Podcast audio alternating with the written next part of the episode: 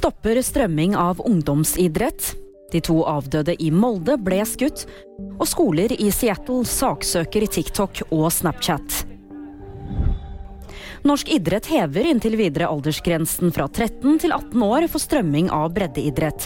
Ved hjelp av installerte kameraer på idrettsbaner produserer og strømmer selskapet MyGame breddekamper fra hele Norge. Barne- og familieminister Kjersti Toppe sier hun støtter en 18-årsgrense, og at alle barn og unge bør kunne drive idrett uten å være bekymret for personvernet sitt. Mannen og kvinnen som ble funnet døde i en bolig i Molde torsdag, var begge skutt. Det er funnet et våpen i boligen, men politiet har tidligere uttalt at de ikke leter etter noen mistenkte. Den foreløpige obduksjonsrapporten er ventet å være klar mandag. De offentlige skolene i Seattle i USA har saksøkt flere tech-selskaper. Det gjelder TikTok, Facebook, Google og Snapchat.